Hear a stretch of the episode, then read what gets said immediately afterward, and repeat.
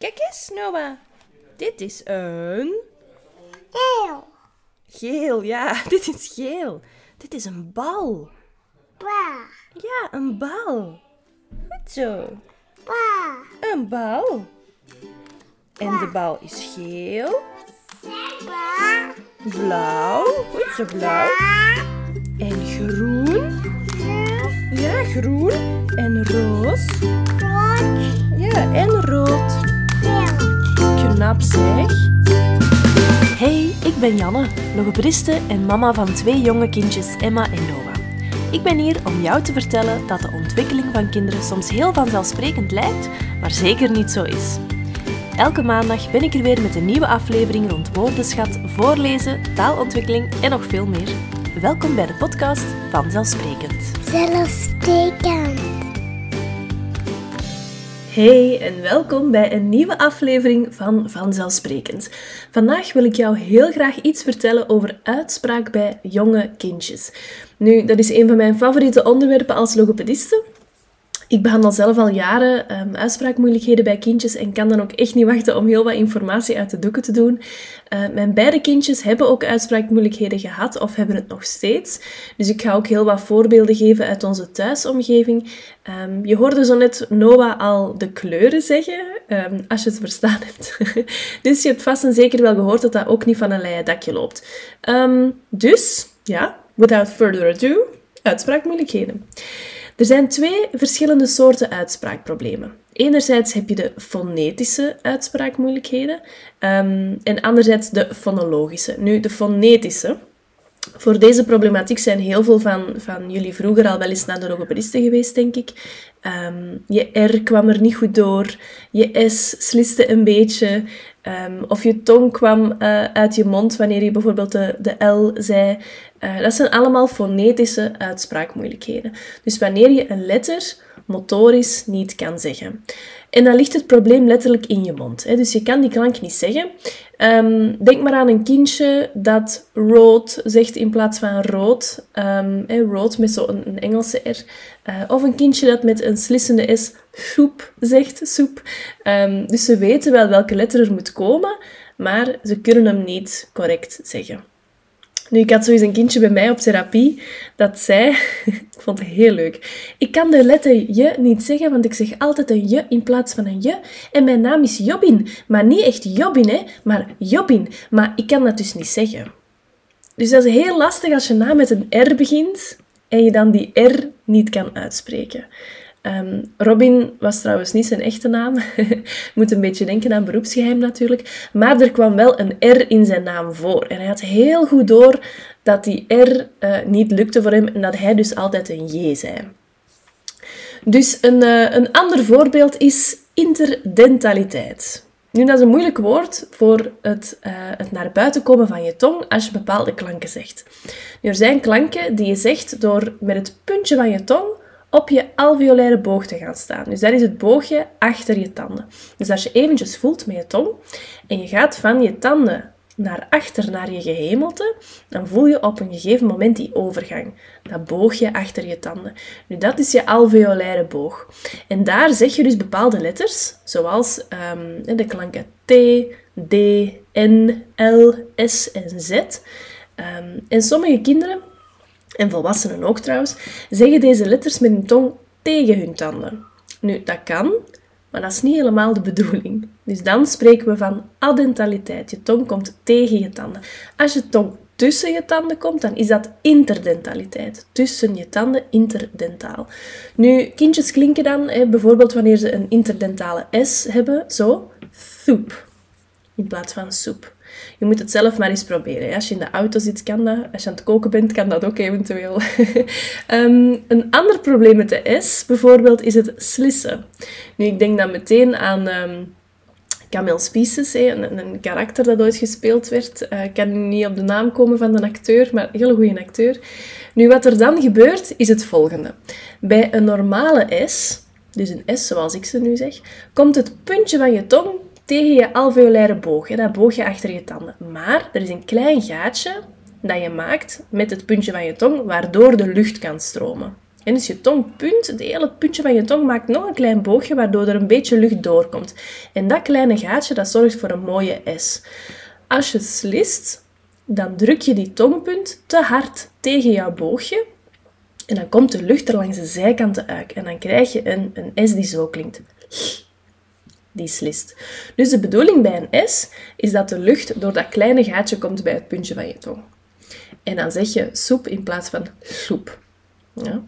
Nu, ehm, waarom is het belangrijk om echt op dat boogje te spreken? Want er zijn volwassenen, die, en kindjes ook, maar ook volwassenen, die, die met hun tong tegen hun tanden spreken. Dus niet tussen hun tanden, maar tegen hun tanden. Nu, waarom is het belangrijk om toch op dat boogje, boogje te spreken? Ehm, wel, als je tegen je tanden duwt tijdens het spreken, dus als je, als je tegen je tanden spreekt, dan, dan duw je met je tong tegen je tanden, hè, dus addentaal, um, dan, en interdentaal ook, dan gaan je tanden ver, verschuiven. Of dan kan dat gebeuren als je hard genoeg duwt. Dus zo zien we dat uh, de tandjes bij veel kinderen naar voren komen, omdat die tong daar dus tegen duwt tijdens het spreken. Met als gevolg dat er dan een, een beugel of een, een, blokjesbrug of zo moet worden gezet door een tandarts of een orthodontist. Um, dus het tandenprobleem opgelost. Maar als je kindje interdentaal blijft spreken of adentaal blijft spreken, dan blijft die tong tegen de tanden duwen. En als je dan je bug weghaalt, dan is er helemaal geen druk meer langs, langs de andere kant. Uh, langs de buitenkant naar binnen. En dan houdt die brug je tanden niet meer recht. En dan komen die gewoon weer naar voren, omdat je blijft duwen met je tong. Dus, weggesmeten geld, denk ik dan. Dus als je kindje adentaal of interdentaal spreekt, of als die tanden naar voren komen te staan en je gaat een brug zetten, ga ook naar een logopediste. Al is het maar om te checken of je, of je kindje de klanken op een juiste manier uitspreekt. Stel dat dat niet zo is, dan kan je altijd um, therapie volgen. Dat heet dan oromyofunctionele therapie. Dat is een hele mond vol. Um, je kan dat best vragen aan, aan je logopediste of zij ook OMFT geeft. Oromyofunctionele therapie, OMFT. Um, nu, nu een aantal uh, fonetische articulatiemoeilijkheden of uitspraakmoeilijkheden. Um, maar dat is eigenlijk niet wat ik doorgaans behandel. Dus ik behandel geen uh, slissende S of geen R die niet trilt. Ik, um, wat ik graag behandel, dat is de tweede soort. De fonologische uitspraakmoeilijkheden. En dit is echt, echt, echt heel leuk voor mij om uit te leggen. Ik ben echt helemaal in mijn element nu. um, dus, fonologie is het vereenvoudigen van taal, van uitspraak. Elk kind doet dit in zijn normale ontwikkeling. Elk kind gaat woordjes die hij nog niet kan uitspreken gemakkelijker maken, zodat hij die wel kan uitspreken. Denk bijvoorbeeld aan het woordje bal. Heel veel kindjes zeggen eerst ba. Dus ze laten die L weg, omdat een woord sluiten met een medeklinker nog heel moeilijk is. Um, dus dat proces, dat sluiten van een woordjes met een medeklinker, dat leren ze eigenlijk pas ietsje later. Dus woordjes als mama, papa, dada gaan wel vlotter, want die eindigen niet met een medeklinker. Maar, en zo denkt het kindje dan onbewust, het zou toch zonde zijn mocht ik mama en papa kunnen zeggen, maar niet bal. Want ik speel zo graag met een bal. Dus het kindje zegt ba. En mama of papa die gaat die dan wel begrijpen. Um, want zo verstaan wij onze kinderen altijd het beste. Hè? Als, als ouder um, begrijpen wij onze kinderen, omdat wij in ons hoofd een beetje kunnen vertalen en ook omdat wij wat context hebben. Hè? Wij, weten, als een kindje ba zegt, um, wij weten dat hij graag met een bal speelt. Dus stel dat hij ergens in de speeltuin uh, vraagt naar ba, dan weet je dat hij bal bedoelt en niet bad. Maar stel dat er een kindje is en dat gaat heel graag in bad en, uh, het minste dat hij een beetje vuil is aan zijn handje, zegt hij, oh, ik moet straks in bad. En die zegt ook ba, ja, dan ga je denken, ah, is bad. En dus je kent je kindje en daardoor begrijp je wel wat hij bedoelt, hè, bad of bal, als hij, komt, uh, als hij naar jou komt en hij zegt ba.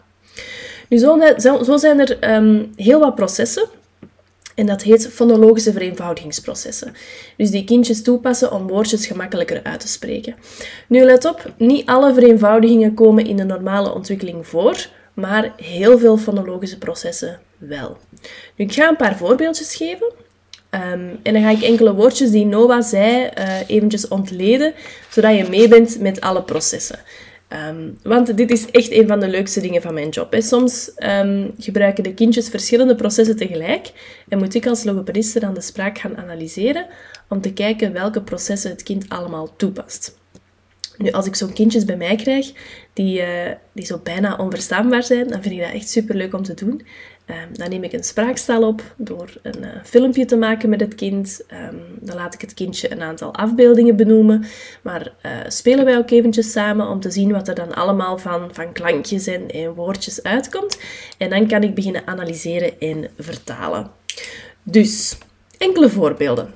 Um, een proces dat heel veel voorkomt is clusterreductie. Nu, dat is een proces waarbij kindjes een cluster of een, een medeklinkerverbinding niet kunnen maken en dus gaan vereenvoudigen tot één medeklinker. Dus clusterreductie, uh, het reduceren of het kleiner maken van een medeklinkerverbinding. Bijvoorbeeld, wat Noah doet, um, hij wil bijvoorbeeld blauw zeggen met een medeklinkerverbinding BL, maar hij zegt bouw. Luister maar. Blauw. Dus hier doet hij aan clusterreductie. Nu, andere voorbeeldjes die vaak voorkomen zijn tijn in plaats van trein, pelen in plaats van spelen, uh, pintouw in plaats van springtouw. Er zijn heel, heel, heel veel verschillende clusters, heel veel verschillende medeklinkerverbindingen die je kindje kan, um, kan vereenvoudigen.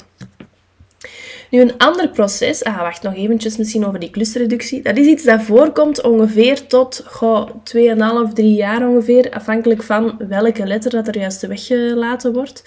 Um, maar in principe, vanaf dat je kindje 2 jaar en half is of ongeveer, um, zou die al zijn medeklinkerverbindingen moeten zeggen.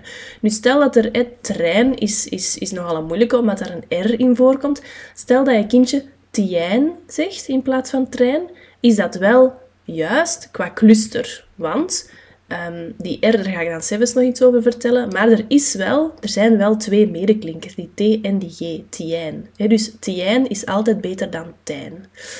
Um, een ander fonologisch proces dat veel voorkomt is uh, fronting en backing. Nu, fronting is een normaal proces in de ontwikkeling, backing niet. Dus ik ga ze alle twee eventjes uitleggen. Fronting houdt in dat je kindje een klankje dat normaal gezien achteraan in de mond wordt gezegd, zoals een K, nu plots van voor wordt uitgesproken. Dus fronting houdt in um, dat kindjes van K's taas maken met een T, van die K naar een T. Of van koe toe maken.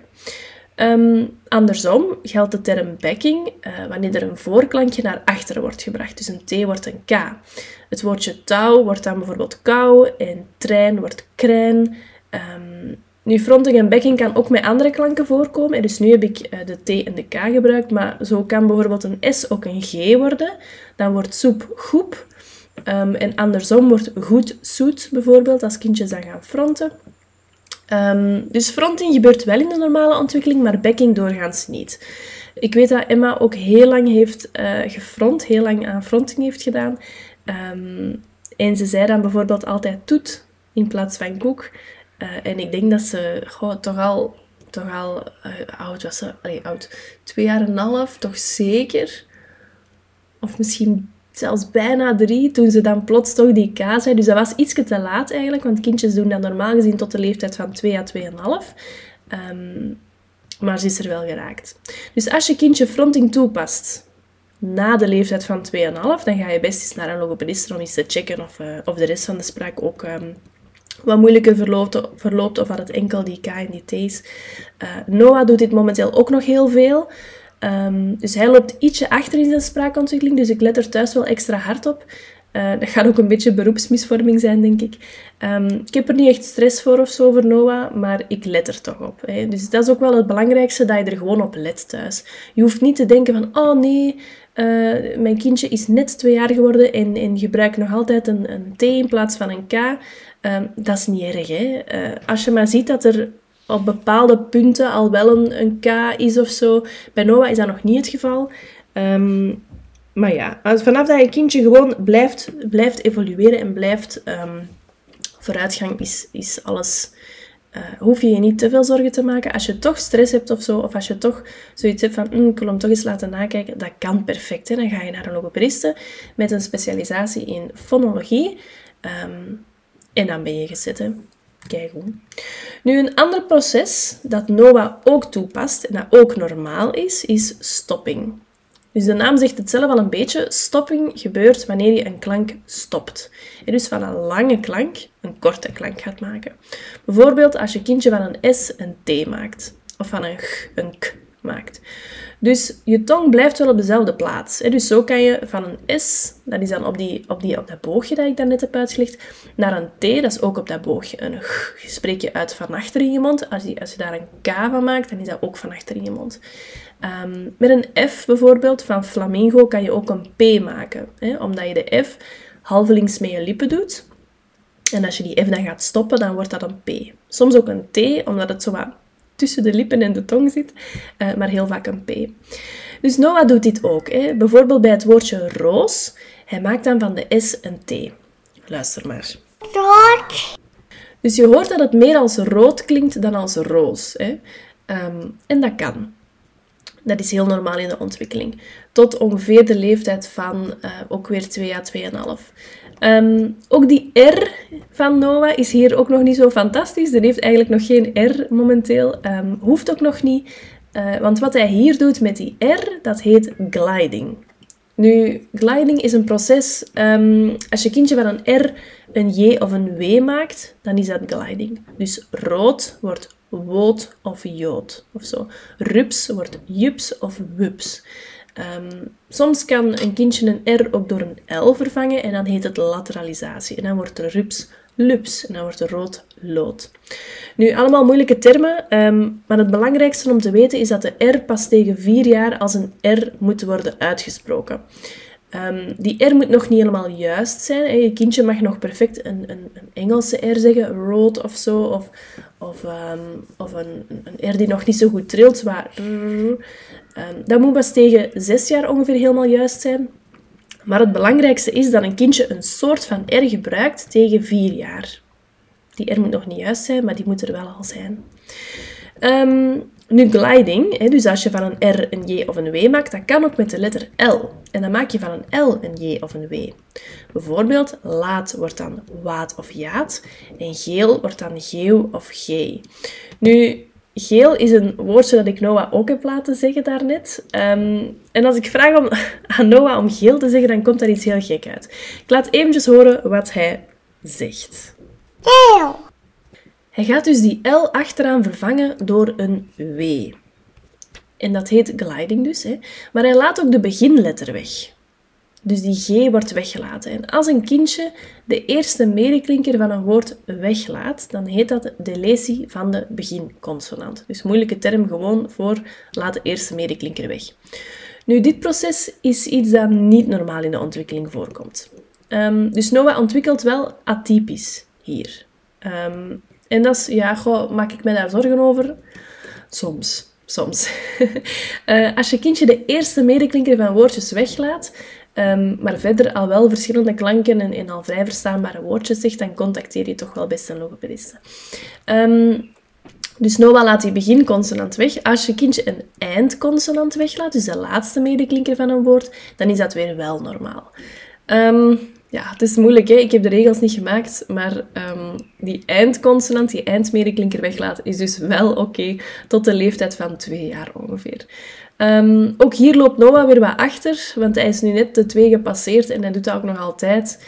Um, ik heb er wel vertrouwen in, want hij begint dat nu wel heel mooi te doen uh, in sommige woordjes. Hij doet bijvoorbeeld, ik had het daar straks ook al gezegd met het woordje bal. Als Noah bal zegt, dan laat hij de laatste letter weg. Ik ga het eventjes laten horen. Ba. Gehoord? Dus hij zei ba in plaats van bal. Helemaal oké dus, hè, tot een leeftijd van ongeveer twee jaar. Als een kindje al zou zeggen in plaats van bal, dus die b weglaat, dat is minder. Nu, Noah laat hier de beginletter niet weg, maar bij andere woorden dan weer wel. Hij zegt bijvoorbeeld nog altijd oa in plaats van Noah.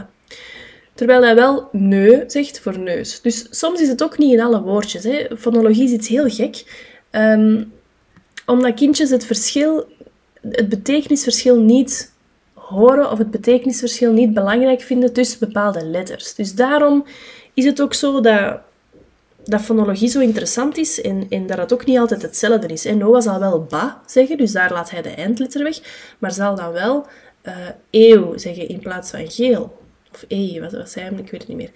Um, eeuw of, of, of e, daar laat hij dan weer de beginletter weg, maar gebruikt hij die L wel, zijn L is dan nog een, een J of een W, maar hij gaat die L wel al plaatsen en bij bal helemaal niet. Logischerwijs, als hij eeuw zegt voor geel, zou hij ouw zeggen voor bal.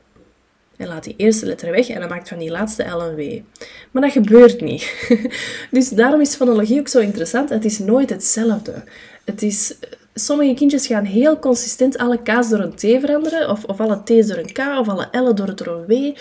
Ehm, maar het is niet zo simpel. Heel veel kindjes gaan ook dingen veranderen, uh, op een andere manier uitspreken. En dan de ene dag weer wel en de andere dag weer niet. Dus ik vind het iets heel interessant om, uh, om, aan, uh, om aan, te werken in de, in de logopedische therapie ook en zo. En ook om bij Noah te horen, want ik vind het superleuk dat, dat Noah zoveel processen maakt. Allee, leuk.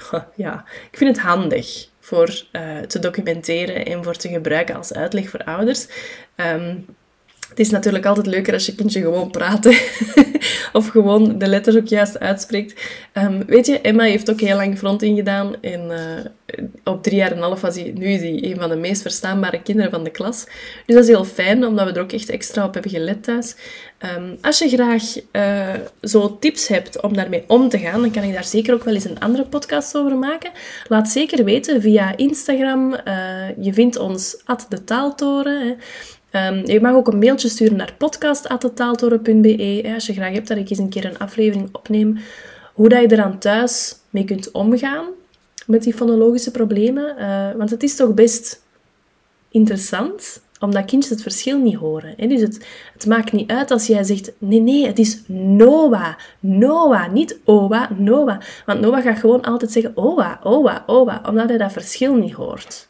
Of hij vindt dat verschil niet belangrijk. Dus zijn oren zijn wel in orde, hij hoort goed, maar hij hoort het verschil niet tussen Noah en Owa. Dus het maakt niet uit dat ik heel de tijd, zeg tegen hem, nee schatje, het is Noah, zeg eens Noah. Dat helpt niet. Dus hoe pak je dat dan wel aan? Daar leg ik heel graag uit in een nieuwe podcastaflevering.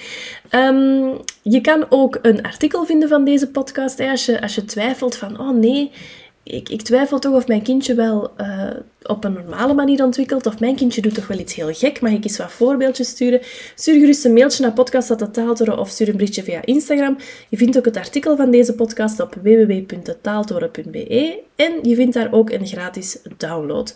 Dus in die download, um, dat zal een A4'tje of twee zijn, dan staan, daar staan de meest voorkomende processen in met een aantal voorbeelden. Nu, ik hoop dat dit heel interessant was voor jou. Uh, laat zeker weten, mocht het handig zijn, als ik zo'n aflevering opneem met een aantal tips. Uh, momenteel verwijs, ik zeker door naar de logopedisten die gespecialiseerd zijn in deze soort uitspraakproblemen, de fonologische uitspraakproblemen. Uh, ik vond het heel leuk om hierover te vertellen. En graag tot volgende week. Dag!